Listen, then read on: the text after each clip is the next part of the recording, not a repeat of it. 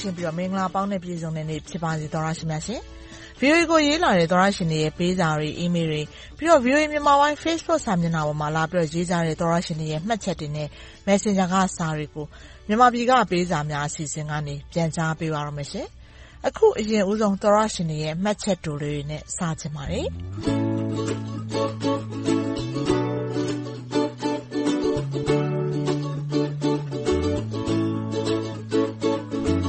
VOA အစီအစဉ်တွေကို Podcast ကနေနားထောင်ပါတယ်ဆိုပြီးရေးလာတဲ့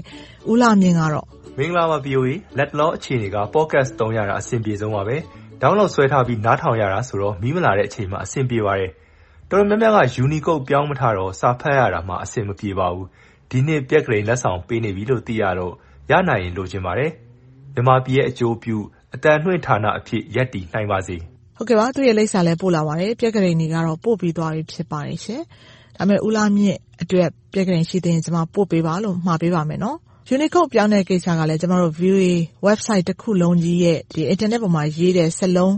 ပုံသဏ္ဍာန်လက်ခံမှုနဲ့သက်ဆိုင်နေတဲ့အတွက်ကြောင့်မို့ကြန့်ကြာနေတာဖြစ်ပါတယ်ရှင်။ကျမတို့လည်းအများဆုံးပြောင်းနိုင်အောင်လို့စူးစမ်းနေပါတယ်နော်။နောက်ထပ်သောရရှင်တယောက်ပေးစာကဏ္ဍကနေစာလေးရေးပါတယ်ဆိုတဲ့သောရရှင်ကတော့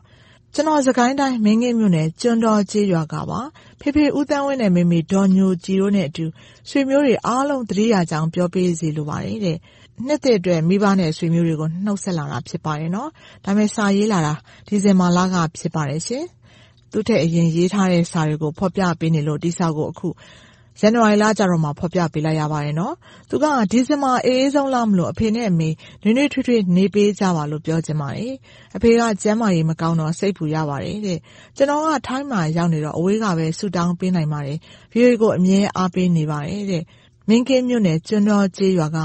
သူ့ရဲ့နာမည်ကိုတော့သူ့ရဲ့အကောင့်မှာညွန့်ဝင်းလို့ရေးထားတဲ့အတွက်ကြောင့်ကိုညွန့်ဝင်းဖြစ်မယ်ထင်ပါတယ်နော်။ဆွေမျိုးတွေအားလုံးကိုနှုတ်ဆက်လာတာဖြစ်ပါတယ်။အရင်တုန်းကတော့မြန်မာပြည်ကပေးစာများအစီအစဉ်မှာသောတရှင်တွေ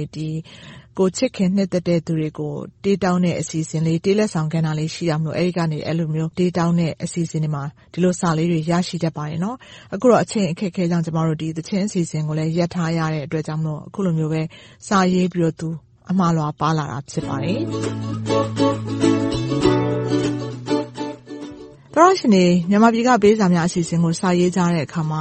မြန်မာနိုင်ငံကလက်ရှိနိုင်ငံရေးအခြေအနေတွေ၊နောက်ပြီးတော့သူတို့လူမှုဘဝနေ့စဉ်ကြုံတွေ့နေရတဲ့အခြေအနေတွေနဲ့ပတ်သက်ပြီးကိုယ်ပိုင်ထင်မြင်ယူဆချက်တွေကိုလွတ်လွတ်လပ်လပ်ထုတ်ဖော်ရေးသားလာကြတဲ့စာတွေလည်းအမြဲတမ်းပါရှိပါတယ်။အဲဒီထဲကစာတချို့ကိုလည်းအမြဲတမ်းမြန်မာပြည်ကပေးစာများအစီအစဉ်ကနေဖော်ပြပေးနေပါတယ်။ခေတ္တမလေးရှားကကိုစိုးမင်းထက်ပါ။သူကတော့ရပ်ဝေးကိုရောက်နေပေမယ့်မြန်မာနိုင်ငံမှာဖြစ်နေတဲ့နေ့စဉ်အခက်အခဲတွေနဲ့ပတ်သက်ပြီးအထူးစာနာမိပါတယ်ဆိုပြီးအခုလိုရေးလာပါတယ်။ VOA ရဲ့ ထုတ်လွှင့်မှု အစီအစဉ်တွေကို အားလပ်ချိန်ရော၊အိပ်စက်အနားယူချိန်ပါ အစဉ်အမြဲ နားထောင်နေပါတယ်။အထူးသဖြင့် မြန်မာနိုင်ငံရဲ့ နိုင်ငံရေး အခြေအနေတွေကြောင့်ရော၊ဒေါ်လာဈေးတက်မှုတွေကြောင့် စားဝတ်နေရေးနဲ့ စိုက်ပျိုးသီးနှံထုတ်လုပ်မှုတွေပါ အများဆုံး ထိခိုက်လာနေပါတယ်။ပြည်ပထွက်ခွာ အလုပ်လုပ်ကိုင်လိုသူတွေအတွက်လည်း အရမ်းကို အခက်အခဲ ရှိနေပါတယ်။အခုလို အခက်အခဲများစွာ ရင်ဆိုင်နေရတဲ့ မြန်မာပြည်သူတွေအတွက် အဆင်ပြေချောမွေ့စေမယ့် နည်းလမ်းကောင်းတွေ အမြန်ရရှိစေချင်ပါတယ်။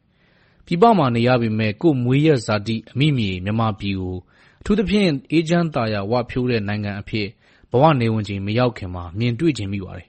။မြန်မာပြည်သူပြည်သားတွေလည်း အခုလို ဒုက္ခဘေးအန္တရာယ် အမျိုးမျိုးကနေ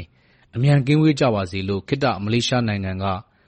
နေ့ရောညပါ ဆုတောင်းနေပါတယ်။ရွှင်လန်းချမ်းမြေ့ကြပါစေ။ VOA ဝိုင်းတော်သူ ဝိုင်းတော်သားတွေလည်း နေကောင်းကျန်းမာ စိတ်နှလုံးရွှင်ပြုံးကြပါစေဗျာ။ကျနော် ခေတ္တမလေးရှား စိုးမင်းထက်ပါဗျာ။ ဒါကတော့ မလေးရှားက ကိုစိုးမင်းထက် သူ့ရဲ့အမိမြေဖြစ်တဲ့ မြန်မာနိုင်ငံက ပြည်သူတွေ ဒုက္ခဘေးအန္တရာယ်ကြားကနေ အမြန်ဆုံး ကင်းဝေးပါစေဆိုပြီး တောင်းဆုပြုပါတယ်ဆိုပြီး ရေးလာတာ ဖြစ်ပါတယ်ရှင်။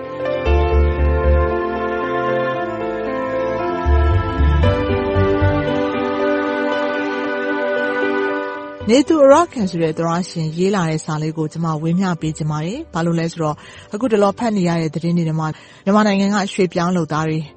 ထိုင်းနိုင်ငံထဲ တရားမဝင် သွားရောက်ကြရပြီးတော့မှ ကြားမှာ လူကုန်ကူးတွေရဲ့ ဘေးဒုက္ခတွေနဲ့ ရင်ဆိုင်နေရတာတွေနောက်ပြီးတော့ ကိုသွားချင်တဲ့နေရာ မရောက်ခင်မှာ ကားမှောက်ပြီးတော့ လူတွေတေကျေကြရတဲ့သတင်းတွေကို မကြာခဏ ကြားနေရလို့ ဖြစ်ပါတယ်။ဖမ်းဆီးခံရတဲ့ သတင်းတွေလည်း မကြာခဏဆိုလို တက်လာတတ်တာပါနော်။အခု စာဖော်ပြမယ့် သောရရှင်ကတော့ ထိုင်းနိုင်ငံရောက်နေတဲ့ သောရရှင်ပါ။သူကတော့ လမ်းမှာ ဘေးမသီရမခ ဖြတ်ကျော်နိုင်ခဲ့ပြီးတော့ ထိုင်းနိုင်ငံကို ရောက်သွားတဲ့သူ ဖြစ်ပါတယ်နော်။သူက အခုလိုမျိုး သူရင်ဆိုင်နေရတဲ့ အခြေအနေကို အားလုံးသိဖို့ ဝေမျှလာပါတယ်။ ကျွန်တော်တို့ ထိုင်းနိုင်ငံ ဘန်ကောက်မှာ အလုပ်တခုရဖို့ အရန်ခက်ခဲနေပါတယ်။အလုပ်တခုရဖို့အတွက် ပွဲစားတွေကို လူတဦးကို4500ပေးရပါတယ်။အားလုံး အလုပ်သမား100ကျော်ပါတယ်ဗျာ။ငွေတွေကို လိမ်ညာယူထားပါတယ်။မနက်ဖြန်တပတ်ကအလုပ်ဝင်ရမယ်ဆိုပြီး တလကျော် ရှိနေပါပြီ။ကျွန်တော်တို့မှာ စားဝတ်နေရေး အခက်အခဲတွေ့နေလို့ VOA ကို ရင်ဖွင့်စာ ပေးပို့လိုက်ပါတယ်ခင်ဗျာ။ ဒါကတော့ထိုင်းကိုရောက်ရှိနေပြီးတော့မှအလုပ်အကိုင်မရလို့ဒုက္ခရောက်နေပါတယ်ဆိုပြီးရေးလာတဲ့သောတရှင်တယောက်ရဲ့စာဖြစ်ပါတယ်ရှင်။ထိုင်းနိုင်ငံကိုသွားပြီးတော့ရွှေ့ပြောင်းအလုပ်သမားအဖြစ်နဲ့အလုပ်လုပ်နေကြတာလည်းအရေအတွက်အားဖြင့်အရမ်းများပြားပါတယ်။အဲလိုမျိုးသွားရောက်တဲ့နေရာမှာလည်းလမ်းမှာကုန်သည်ပွဲစားတို့ရဲ့ဒုက္ခပေး၊ငွေညှင်းမှုဒါမှမဟုတ်ရင်လည်းလမ်းကထိုင်းအာဏာပိုင်တို့ရဲ့ဖမ်းဆီးတဲ့ဘေးအန္တရာယ်၊နောက်ပြီးတော့လမ်းမှာခက်ခဲကြမ်းတမ်းပြီးတော့အသက်ပါဆုံးရှုံးရတဲ့အထိဖြစ်ရပြီးတော့ဒီသတင်းတွေလည်းမကြာခဏဆိုသလိုတက်လာတတ်ပါတယ်။နော က်ထပ်ဒီလိုမျိုးသူ့လိုမျိုးပဲနောက်ထပ်သောတရှင်တယောက်ကလည်းတဘက်နိုင်ငံရောက်ရှိနေပါတယ်။မြန်မာနိုင်ငံပြန်ချင်ပါတယ်။ဒုက္ခအရမ်းရောက်နေလို့အကူအညီပေးပါဆိုပြီးရေးလာတဲ့သောတရှင်ရဲ့စာကိုဆက်ပြီးတော့ဖော်ပြပေးချင်ပါတယ်။သူကတော့လောနိုင်ငံကိုရောက်ရှိနေတာပါ။တဘက်နိုင်ငံမှာဒုက္ခရောက်နေလို့ကူညီပေးဖို့မေတ္တာရပ်ခံပါတယ်။မြန်မာနိုင်ငံကမိဘဆီပြန်ချင်ပေမယ့်ပြန်စရိတ်ငွေကြေးမတတ်နိုင်လို့လူမှုကယ်ဆယ်ရေးအဖွဲ့ကတဘက်နိုင်ငံမှာဒုက္ခရောက်နေသူတွေကိုပြန်ခေါ်ပေးဖို့မေတ္တာရပ်ခံပါတယ်။ မိဘထံကထွက်လာပြီး လာအိုနိုင်ငံမှာ ရောက်နေတာပါခင်ဗျာ။ပဲခူးတိုင်းဒေသကြီး ရေတာရှည်မြို့နယ် တခွဲကျဲကျေးရွာကပါ။ဟုတ်ကဲ့ပါ။ဒီသောတရှင်ပြောလို့ပဲ ကျမ လောနိုင်ငံနယ်စပ်ကို ရောက်တုန်းက မြင်ကွင်းလေးနဲ့ သိခဲ့ရတာလေးတွေကို အမှတ်ရမိပါတယ်ရှင်။အမေရိကန်ပြည်ထောင်စုမှာ ပြီးခဲ့တဲ့ နွေရာသီမြန်မာနိုင်ငံမှာဆိုရင်တော့ ဇူလိုင်လလောက် ဖြစ်မယ်ထင်ပါတယ်။အဲဒီတုန်းက ကျမ အားလပ်ရက်အနေနဲ့ ထိုင်းနိုင်ငံကို ရောက်ခဲ့တော့ မြန်မာနိုင်ငံနယ်စပ် ရွှေတြိဂံဘက် ထိုင်းနိုင်ငံဘက်အခြမ်းကိုရောက်ရှိခဲ့ပါတယ်။အဲဒီမှာမြန်မာရယ်၊ထိုင်းရယ်၊လောရယ်နယ်စပ်ထိုင်းနဲ့မြန်မာနဲ့မြစ်လေးပဲခြားပြီးတော့လောဘက်အခြမ်းမှာဟိထနေတဲ့အဆောက်အအုံကြီးတွေတွေ့လို့ကျမတို့ကိုလိုက်ပြီးတော့ပို့တဲ့ဧည့်လမ်းညွှန်ကိုမေးကြည့်တော့အဲဒါ ကက်စီနိုလောင်းကစားပွဲရုံတွေဖြစ်တယ်လို့သိရပါတယ်။နောက်ပြီးတော့အဲဒီမှာဗမာဝန်ထမ်းတွေအများကြီးအလုပ်လုပ်ကြတယ်လို့လည်းသိရပါတယ်။ဗမာဝန်ထမ်းတွေအနေနဲ့တရုတ်လိုစကားပြောတတ်ရင်လခကောင်းကောင်းရပြီးတော့ရိုးရိုးဘာမှဘာသာစကားတွေမတတ်ထားဘူးဆိုရင်တော့ဒီအခြေခံအလုပ်တွေကိုလုပ်လို့ရတယ်လို့သိရပါတယ်။အဲဒီကိုရောက်ဖို့အတွက်လည်းမြန်မာနိုင်ငံထဲကနေ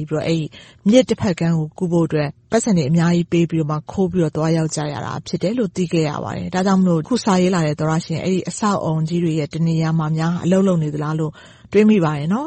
တရှင်တွေရဲ့ပေးစာတွေကိုတော့ဒီတပတ်ဒီမှာတင်ရပ်ချင်ပါတယ်ရှင်။အားလုံးအတွက်ပိုမိုကောင်းမွန်အဆင်ပြေတဲ့နေ့ရက်တွေအမြန်ဆုံးရရှိနိုင်ပါစေလို့ဆုတောင်းပေးချင်ပါတယ်။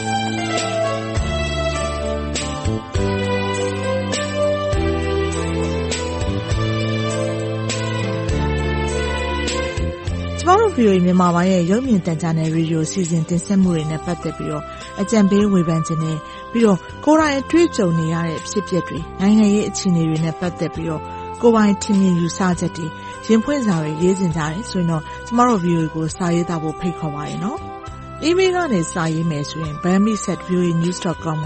မြန်မာပြည်မှပေးစာများ အစီအစဉ်ဆိုပြီးတော့ရေးသားပေးပို့နိုင်ပါတယ်။ Facebook အသုံးပြုတဲ့သူတွေအနေနဲ့လည်း VOA Burmese News ဆိုတဲ့ VOA မြန်မာပိုင်းရဲ့ Facebook စာမျက်နှာကိုတွားပြီးတော့မှတ်ချက်တွေလာပြီးတော့ရေးနိုင်တယ်လို့ VOA မြန်မာပိုင်း Facebook Messenger ကနေပြောလဲစာရေးပို့လို့ရပါတယ်။သောရရှင်တွေစီကတုံ့ပြန်အကြံပြုလာမှာတွေကိုစောင့်မျှော်ကြိုးစားနေပါတယ်ရှင်။